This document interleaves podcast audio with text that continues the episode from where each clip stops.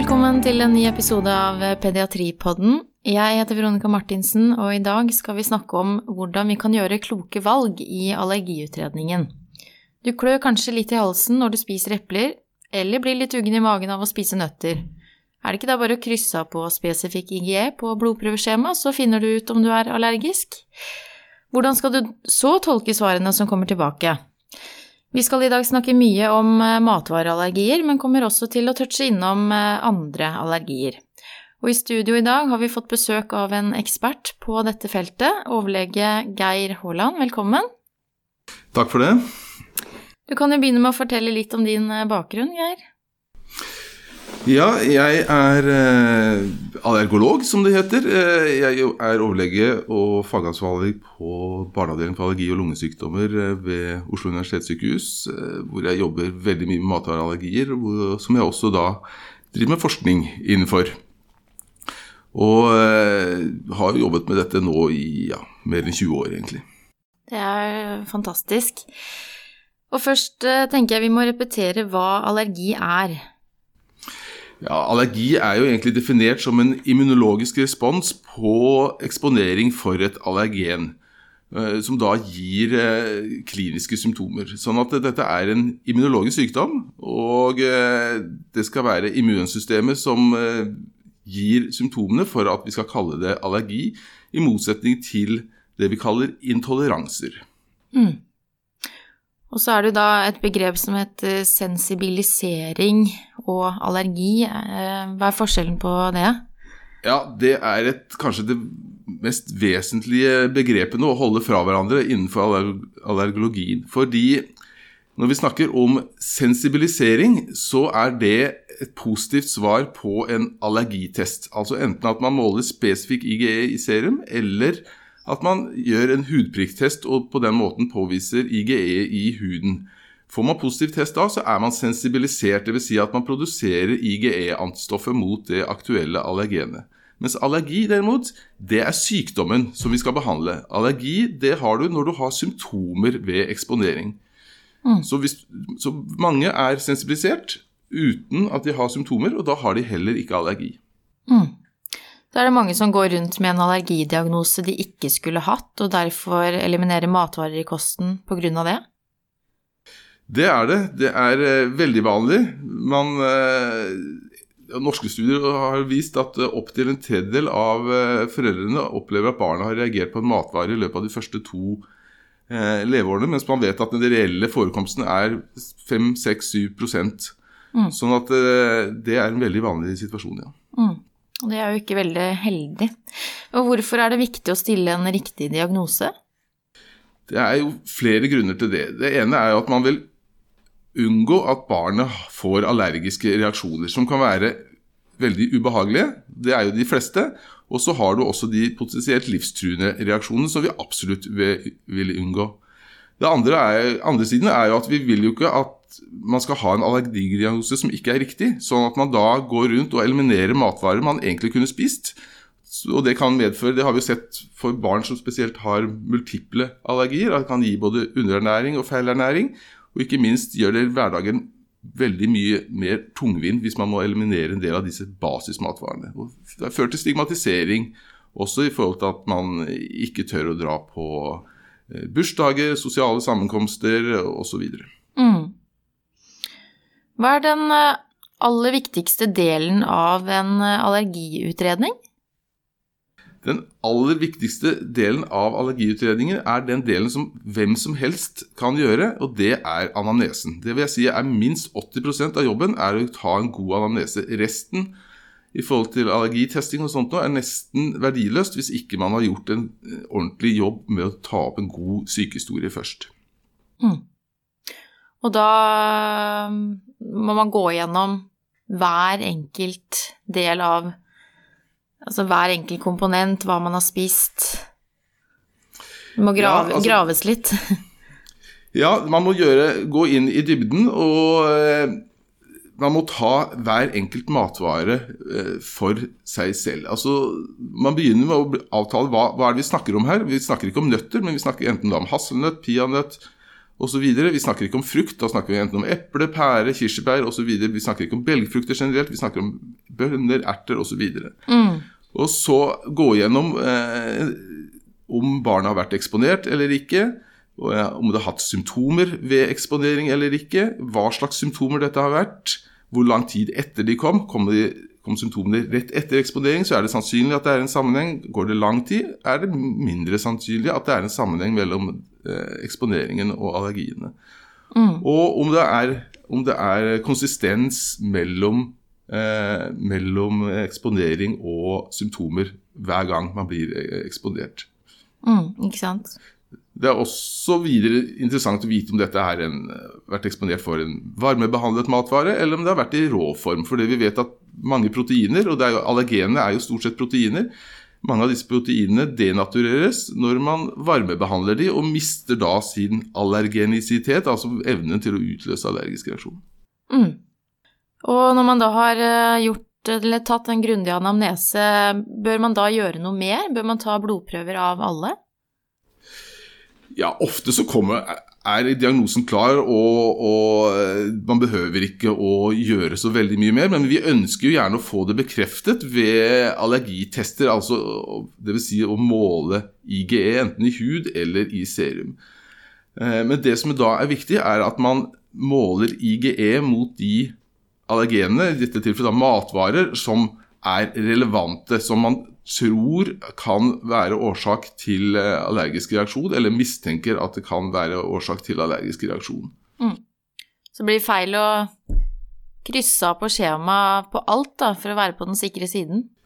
Ja, det, det, er feil på flere måter. Eh, for det første så skaper det flere problemer for deg sjøl. Fordi ofte så er man jo sensibilisert mot allergener som ikke gir deg symptomer ved eksponering, og da har du heller ingen allergi, og det får ingen praktisk konsekvens om du er sensibilisert eller ikke.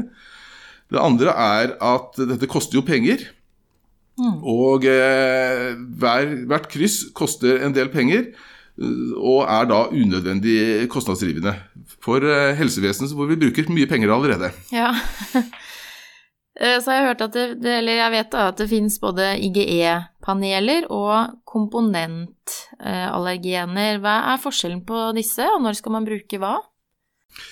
Ja, Vi kan dele IGE-analysene egentlig i tre. Vi har panelene, eller de såkalte panelene, som er da sammensatt av flere allergener innenfor et felles felt. Man har f.eks. mye brukt er dette såkalte matvarepanelet, som inneholder fem av de vanligste mat basismatvarene.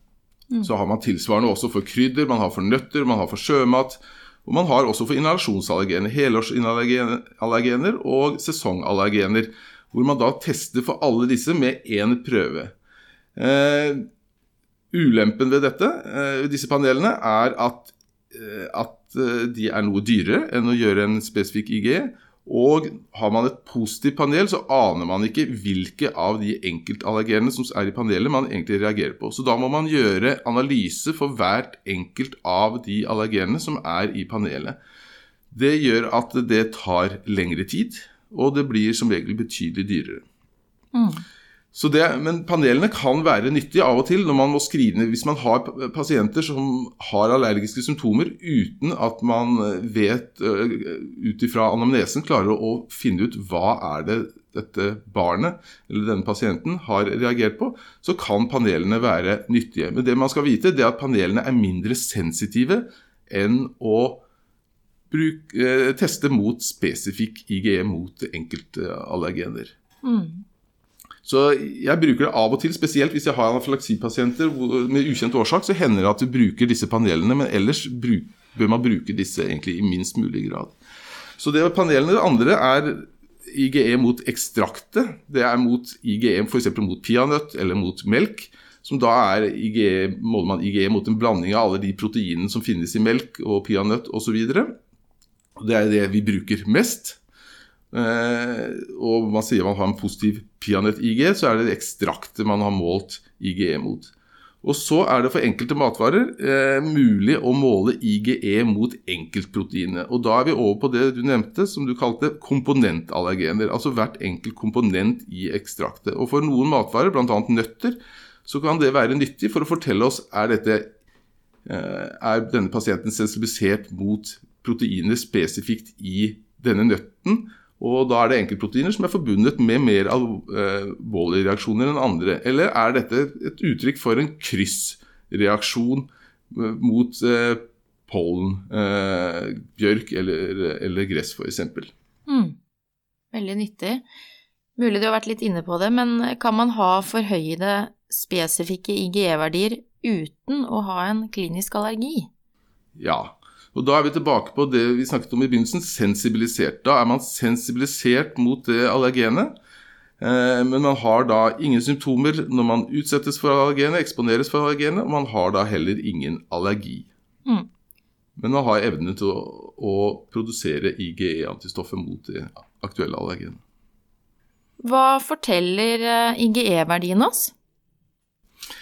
Ja, altså IGE-verdien forteller oss om sannsynligheten for at denne pasienten vil reagere ved eksponering for allergenet. Desto høyere verdi, desto høyere sannsynlighet er det for at man vil ha symptomer ved eksponering.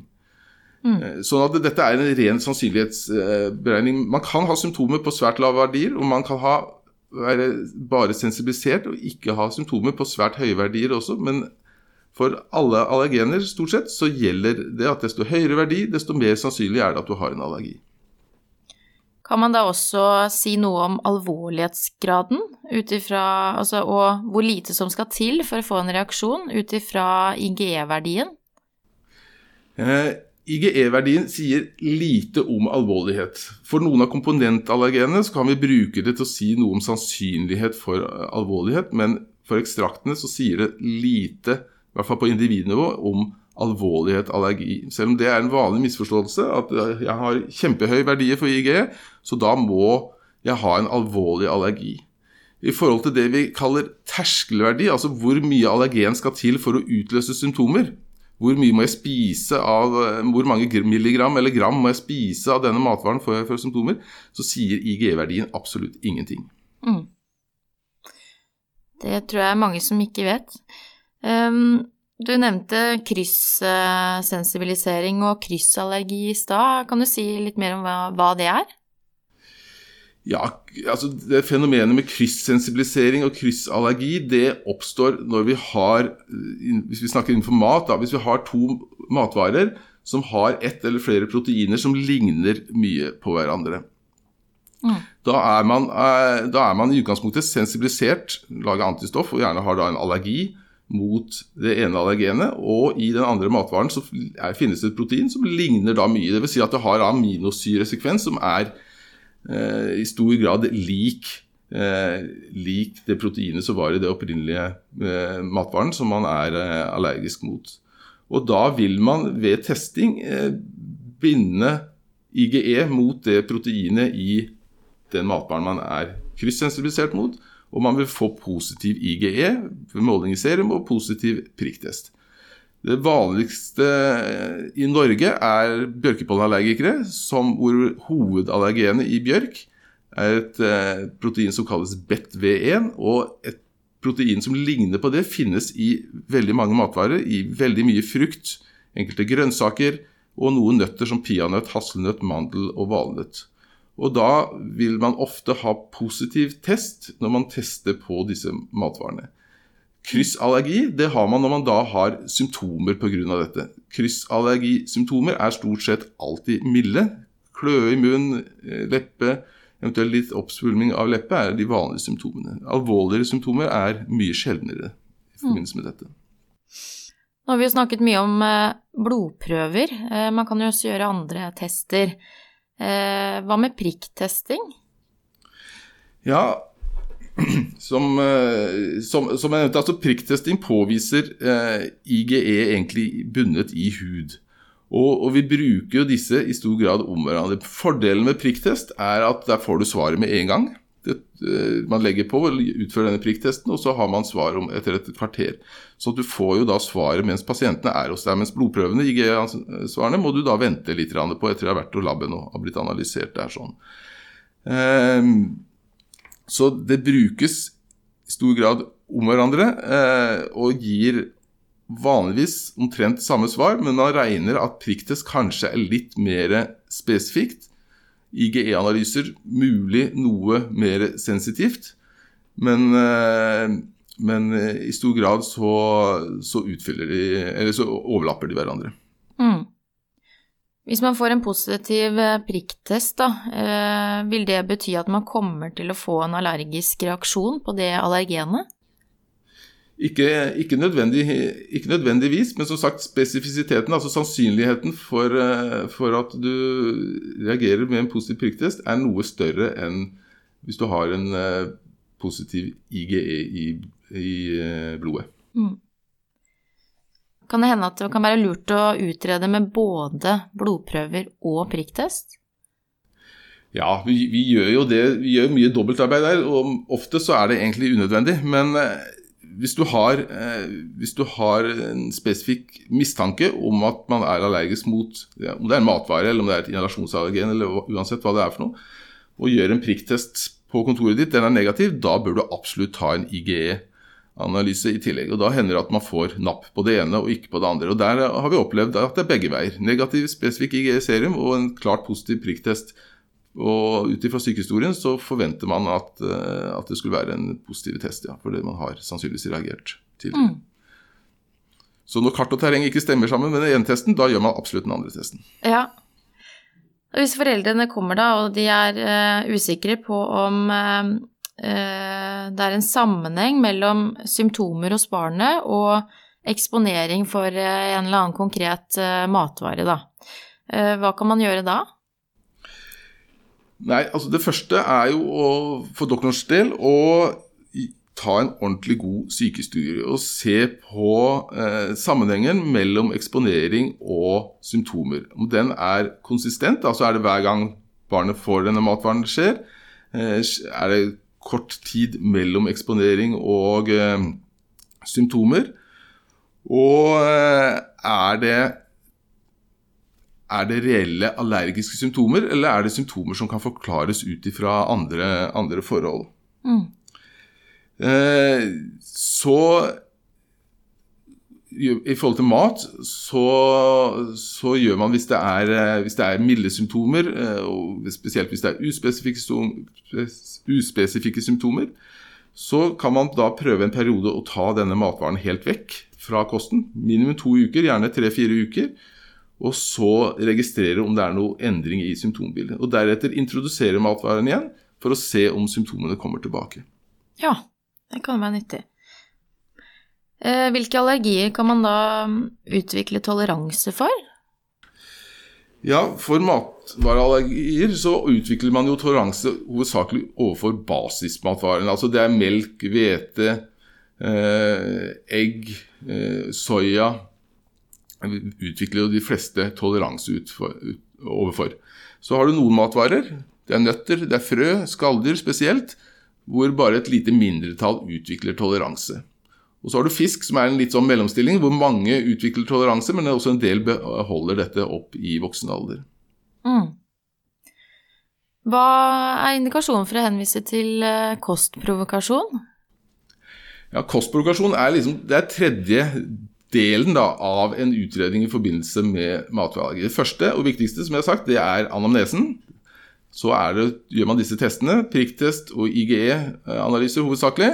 Og så tredje eh, delen er å gjøre en kostprovokasjon hvis man ikke er kommet til mål. Og det gjør vi jo da for å avklare om det, for, først og fremst for å avklare om det foreligger en allergi.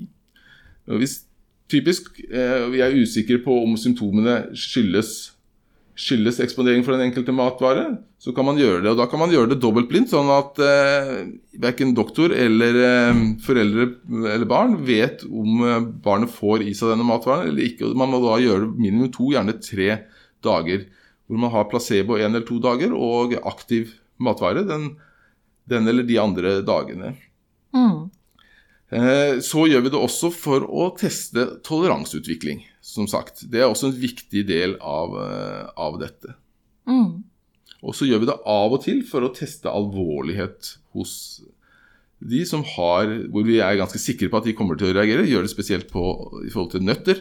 Men det er interessant eh, å vite hvor alvorlig er den allergien. Vi får en viss indikasjon på terskelverdi, altså hvor mye som skal til, selv om den kan variere ganske mye fra gang til gang. Og vi gjør det for å trene EpiPen og, og pedagogisk uh, årsaker, sånn at uh, da gjerne hos tenåringer, for at de skal føle på kroppen hva skjer hvis jeg får i meg denne nøtta eller den andre matvaren ved et uhell. Og da, hvis de da trenger en adrenalinpenn eller EpiPen eller tilsvarende, så får de sette denne selv. Så da er det mer en sånn pedagogisk bit oppi dette. Mm. Allergiutredning det foregår jo på de fleste, eller alle fastleger sitter jo med dette ofte. Eh, men hvem bør henvises og følges i spesialisthelsetjenesten? Nei, som sagt, som du sier, fastleger kan gjøre veldig mye av denne jobben. Men spesialister bør jo komme inn i bildet hvis det er uklart hva som er årsak til allergiske reaksjoner, man ikke kommer til mål med det.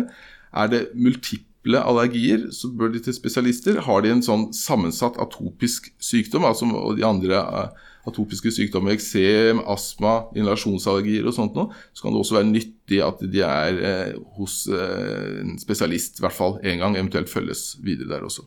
Mm. Og disse barna, bør de følges opp, og i så fall hvordan og hvor ofte? Ja, altså Barn med matvareallergi bør absolutt følges opp, og det er flere grunner til det. Det ene er som vi snakket om, at en del utvikler toleranse, og det må man eh, fange opp. Sånn at ikke de går rundt med dietter som er unødvendige, og som gjør både livet vanskeligere, og som potensielt da kan også gi dem både feil og, og underernæring. Eh, så er det de som man ikke forventer at det skal vokse av seg dette. Spesielt de da som har alvorlige allergier mot nøtter f.eks. Også, bør også jevnlig være en kontroll. Det kan skje hos eh, fastlege, eventuelt en spesialist, hvor man da øver på bruk av denne adrenalinpennen og gjennomgår, eh, gjennomgår eh, indikasjoner osv. Og så er det jo dette at man har dette, det man kaller den atopiske marsjen. altså at man ofte i småbarnsalder begynner med atopisk eksem, så får man en utvikling av matvareallergi, etter hvert så får man astma og inhalasjonsallergier. Og det er å følge og fange opp disse andre allergiske sykdommene som man da kan utvikle etter hvert som man vokser opp, er også en viktig del av denne oppfølgingen. Mm. Tusen takk, eh, Geir Haaland, for at vi nå kan gjøre eh, kloke valg når vi skal utrede allergi hos eh, barn og ungdom. Og da prikker vi til slutt inn tre take home messages til lytterne våre. Ja, tre take home messages. Altså, den viktigste take home messages det er at alamnesen er absolutt det viktigste. Og det må man ta seg tid og gjøre ordentlig. Og så, når man går videre og begynner å teste, så vær spesifikk i testingen. Test på det du er interessert i, ikke screening. Og Det tredje er at barn med matvareallergi det bør, som vi snakket om på slutten her, følges opp fordi, hovedsakelig fordi mange utvikler toleranse, men også av andre grunner, som vi nevnte. Mm. Tusen, tusen takk for at du kunne komme. Og tusen takk til alle dere som uh, hører på. Vi sees og høres i neste uke.